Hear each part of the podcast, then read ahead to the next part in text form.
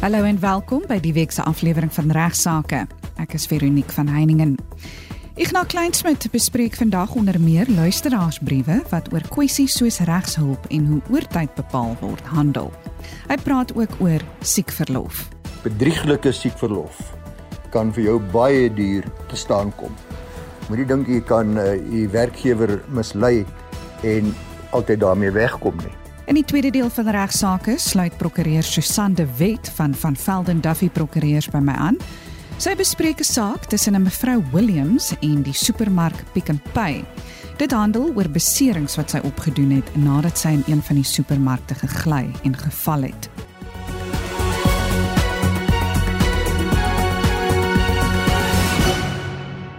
Ons begin die week die program met Ignas wat luisteraars aanmoedig om aan Testamente Week deel te neem en hy antwoord 'n vraag wat hy ontvang het wat handel oor regshulpraad. Hartlike goeiemôre weer aan al die luisteraars. Dit is lekker om hier te gesels oor regsaake en ek hoop dat hierdie program gaan geniet.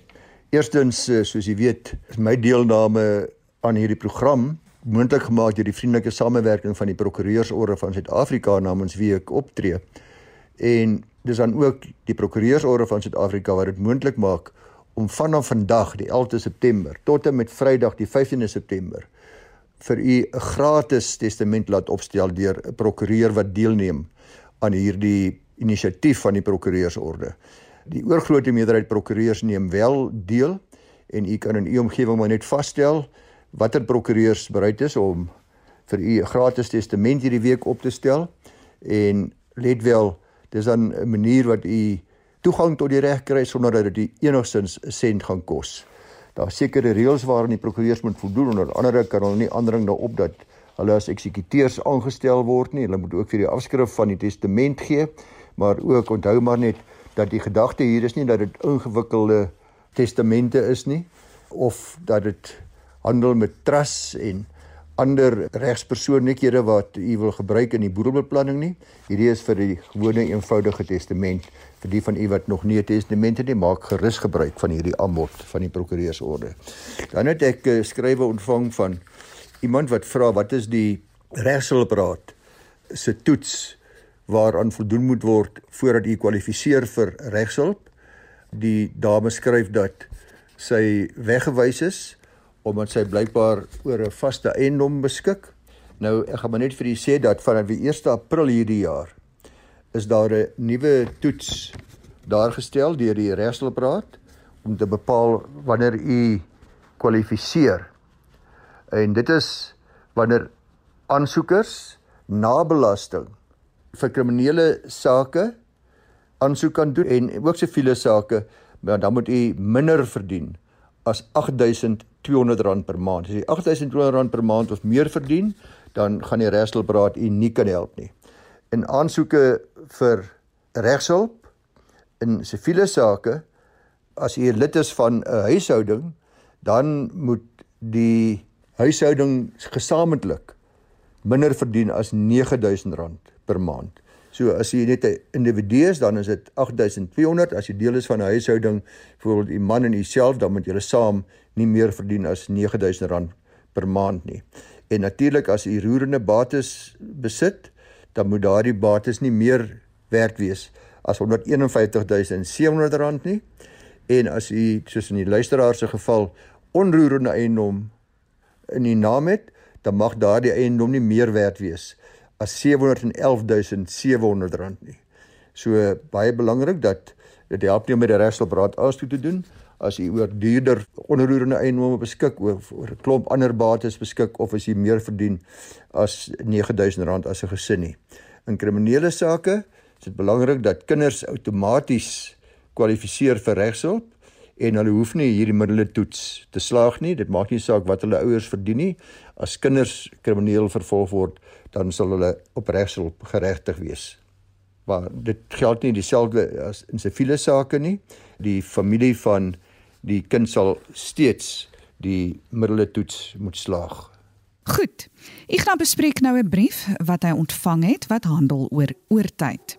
Dan kry ek 'n skrywe van Edgar. Hy sê gee ook sy van en hy sê wie sy werkgewer is, maar ek gaan dit maar liewers uitlaat ter wille van hom.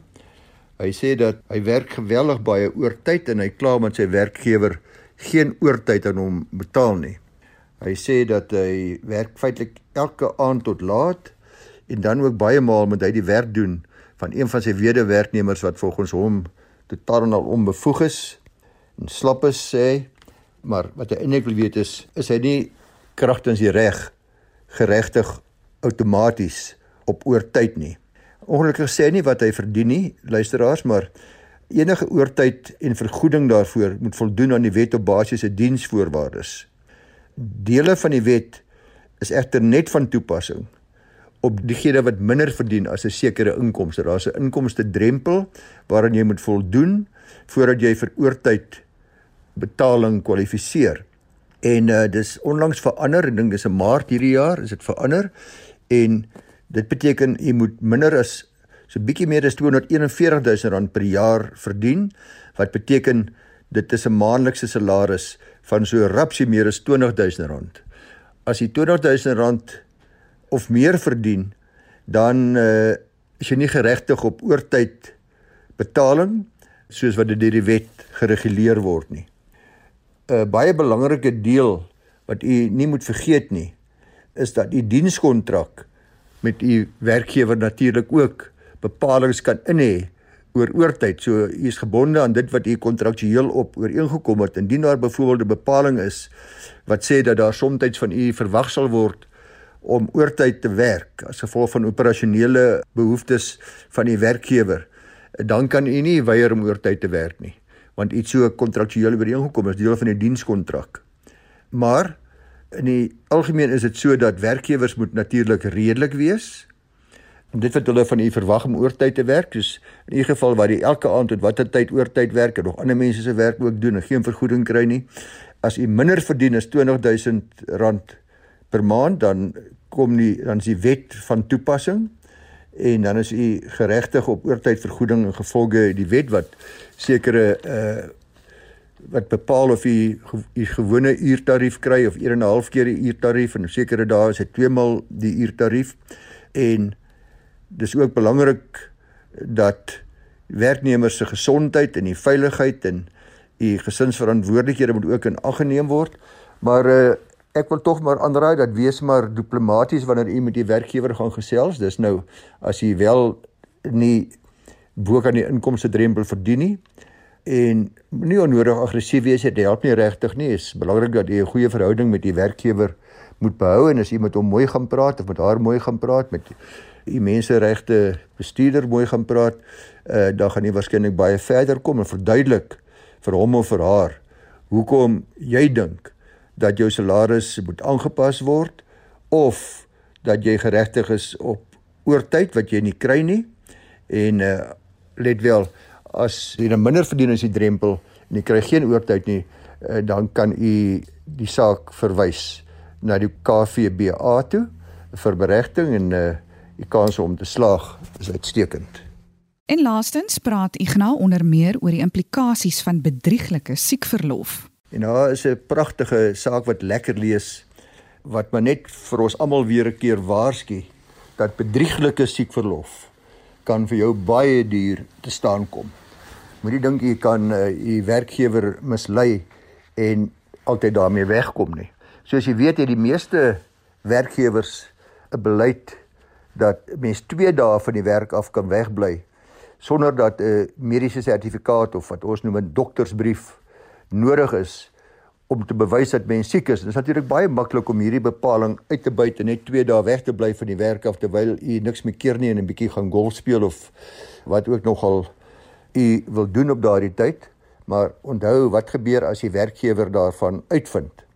Die feit dat u op 2 dae siek verlof is sonder 'n sertifikaat, is dit genoegsaam vir u om die werk te behou.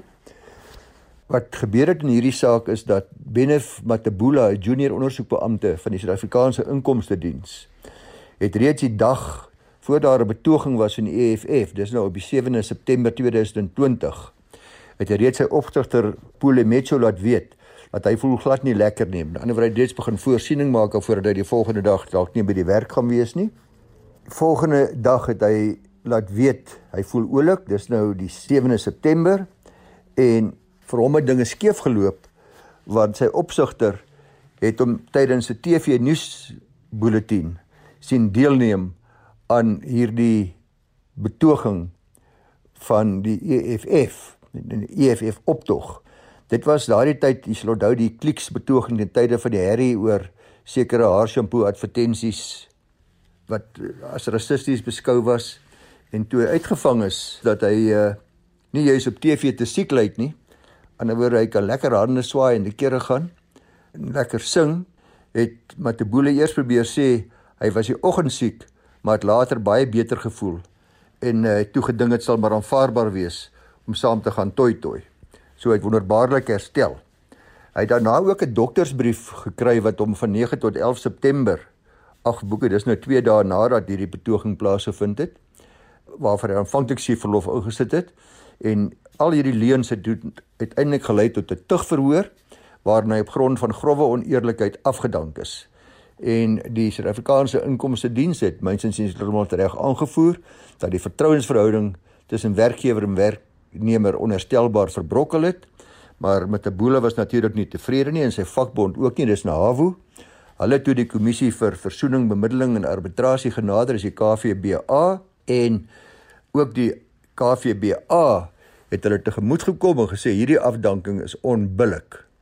Nou hy het sy werk teruggekry asook vergoeding vir sy verlore salaris, maar gelukkig luisteraars het die Suid-Afrikaanse Inkomste Diens die saak nie daar gelaat nie en die saak Arbeidshof toegeneem en gelukkig in die Arbeidshof is die Suid-Afrikaanse Inkomste Diens gelyk gegee byna 3 jaar nadat hierdie voorval plaasgevind het en die werknemer is sy werk kwyt omdat hy in die optog deelgeneem het en regter Graham Moshoane van die Arbeidshof in Johannesburg het in die onlangse uitspraak gesê as die man in staat was om sy hande te klap en te sing, moet dit ook volg dat hy in staat sou gewees het om sy kontraktuele pligte uit te voer.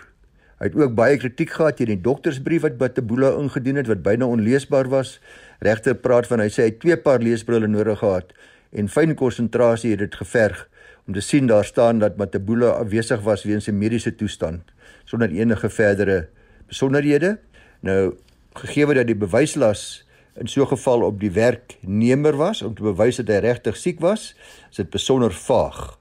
En uh luisteraars, hier's maar net 'n mooi voorbeeld van waar hy toe ongelukkig regmatig afgedank was en dat billikheid myns en ek glo u regsgevoel word ook bevredig deur hierdie uitspraak. Dankie Igna. Susan de Wet van van Velden Duffy Prokureurs in Rustenburg sluit nou by my aan. Goeiemôre Veronique en luisteraars. Dankie vir die geleentheid om weer met julle te kan gesels. Ek gaan vandag die saak van Williams teen Pick a Pay bespreek. In die saak het die Wes-Kaapse Hooggeregshof bevind dat Pick a Pay 100% aanspreeklik gehou moet word vir beserings wat mevrou Williams opgedoen het na sy gegly het en geval het in een van hulle supermarkte. Mevrou Williams is die vrou van die wyle Springbok vleuel Chester Williams. Susan, kan jy kortliks die feite van die saak bespreek? Sekerlik Veronique. Mevrou Williams het in 2017 hierdie beserings opgedoen toe sy inkopies gedoen het by 'n Pick n Pay in Goodwood. Pick n Pay het aanspreeklikheid ontken en aangevoer dat mevrou Williams nalatig was omdat sy versuim het om behoorlik uit te kyk en versuim het om redelike stappe te neem om haar val te voorkom. Hulle het ook aangevoer dat die skoonmaakdienste wat hulle gebruik aanspreeklik moet wees aangesien hul mandaat nie behoorlik uitgevoer is nie. Tydens die verhoor is talle getuienis geroep. Mevrou Williams, die skoonmaker van die skoonmaakdienste en 'n kliëntediensbestuurder wat mevrou Williams gehelp het om die vloeisel van haar skoene af te vee. Ongelukkig kon die beeldmateriaal nie gebruik word nie omdat die kamera nie gewerk het ten tye van haar val nie. Haar regspan het die meriete van die kwantum geskei wat in sulke gevalle veiliger is omrede die deskundige verslae baie duur is om die kwantum te bewys. Sou haar regspan dan nie suksesvol gewees het om op 'n oorwig van waarskynlikhede te bewys dat Piekepy nalatig was nie, sou daar baie verspilde kostes gewees het. Nou wat met mevrou Williams bewys om suksesvol te wees met haar eis? Om suksesvol te wees met so 'n eis, moes mevrou Williams die elemente van 'n delik bewys. Nommer 1, 'n handeling, Dis nou 'n willekeurige menslike doen of late. Nommer 2 onregmatigheid. Die handeling moet op 'n onredelike of ongeoorloofde wyse veroorsaak word. 3 nalatigheid. 4 kausaliteit. Daar moet 'n kausale verband wees tussen die handeling en die skade. En laastens skade moet bewys word. Mens moet kan bewys dat jy skade gely het soos byvoorbeeld geleede en toekomstige verlies van inkomste, pyn en lyding en mediese uitgawes. Dit is ook belangrik Veronique dat die luisteraars verstaan dat al 5 hierdie elemente moet bewys word om te slaag met so 'n eis. En watter regspraak het die regter in ag geneem? Die regter het verwys na 'n saak van Charta Props teen Sieberman. Dis nou 'n saak wat gedraai het in die Hoogste Hof van Appel. En in die saak is vloeistof op 'n sentrum se vloer gemors en gelaat vir ongeveer 30 minute. Die hof het bevind dat die skoonmaakmaatskappy nalatig was en nie die sentrum nie, omdat hulle maatros in plek gehad het om in sulke gevalle die vloer binne 5 minute skoon te maak, wat toe nou nie gebeur het nie. Die regter moes toe die vraag antwoord of Pick n Pay kan steun op hierdie charter prop saak en so aanspreeklikheid vir die eiser mevrou Williams se beweerde beserings vermy. Susan, wat het die hof toe beslis? Die hof het beslis dat Pick n Pay nie genoegsame bewyse gelewer het om die prima facie saak van nalatigheid wat deur die eiseries gestel is te weer lê nie. Die hof het beslis dat Pick n Pay aanspreeklik gehou moet word vir mevrou Williams se beserings en hulle moet ook haar regskoste betaal. Die hof het egter ook bevind dat Pick n Pay geregtig is op 'n verklarende bevel wat bevestig dat die skoonmaakdiens aanspreeklik is om Pick n Pay te vrywaar ooreenkomstige vorige ooreenkomste tussen die partye. Goed, en net ter afsluiting Susan, wat maak hierdie tipe sake so interessant? Hierdie tipe saak is altyd vir my interessant Veronique, want winkels moet seker maak dat redelike stappe geneem word om die veiligheid van mense te verseker en ook om te voorkom dat hulle skade ly. Maar of redelike stappe geneem word is oop vir interpretasie.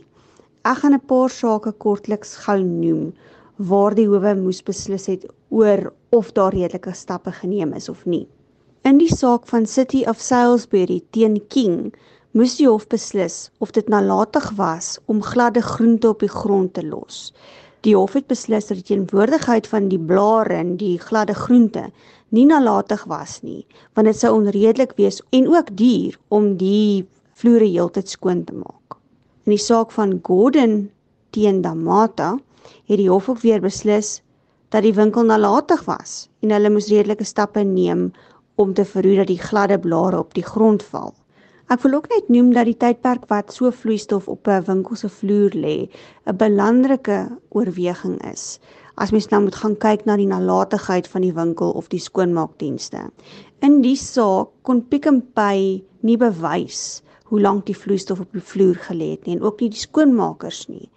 Die toesighouer wat verantwoordelik was vir die inspeksie om te kyk of die vloere skoon is, het nie 'n rekord gehou van watter skoonmakers die gange skoon gemaak het en wanneer nie. En dit was 'n baie belangrike oorweging in die saak. Weereens dankie vir die geleentheid om met julle te kon gesels. Dit is ongelukkig waar ek die program die week moet afsluit. Baie dankie aan Ignas Kleinsmid en Susan de Wet, beide van van Velden Duffy Prokureurs in Rustenburg vir hulle bydraes tot die week se program. Vir enige navrae stuur gerus 'n e-pos na my toe by vero@rsg.co.za. En onthou, indien jy weer na 'n episode wil luister, kan jy dit onder pot gooi op rsg.co.za kry. Vir my Veronique van Heiningen groete. Tot volgende week.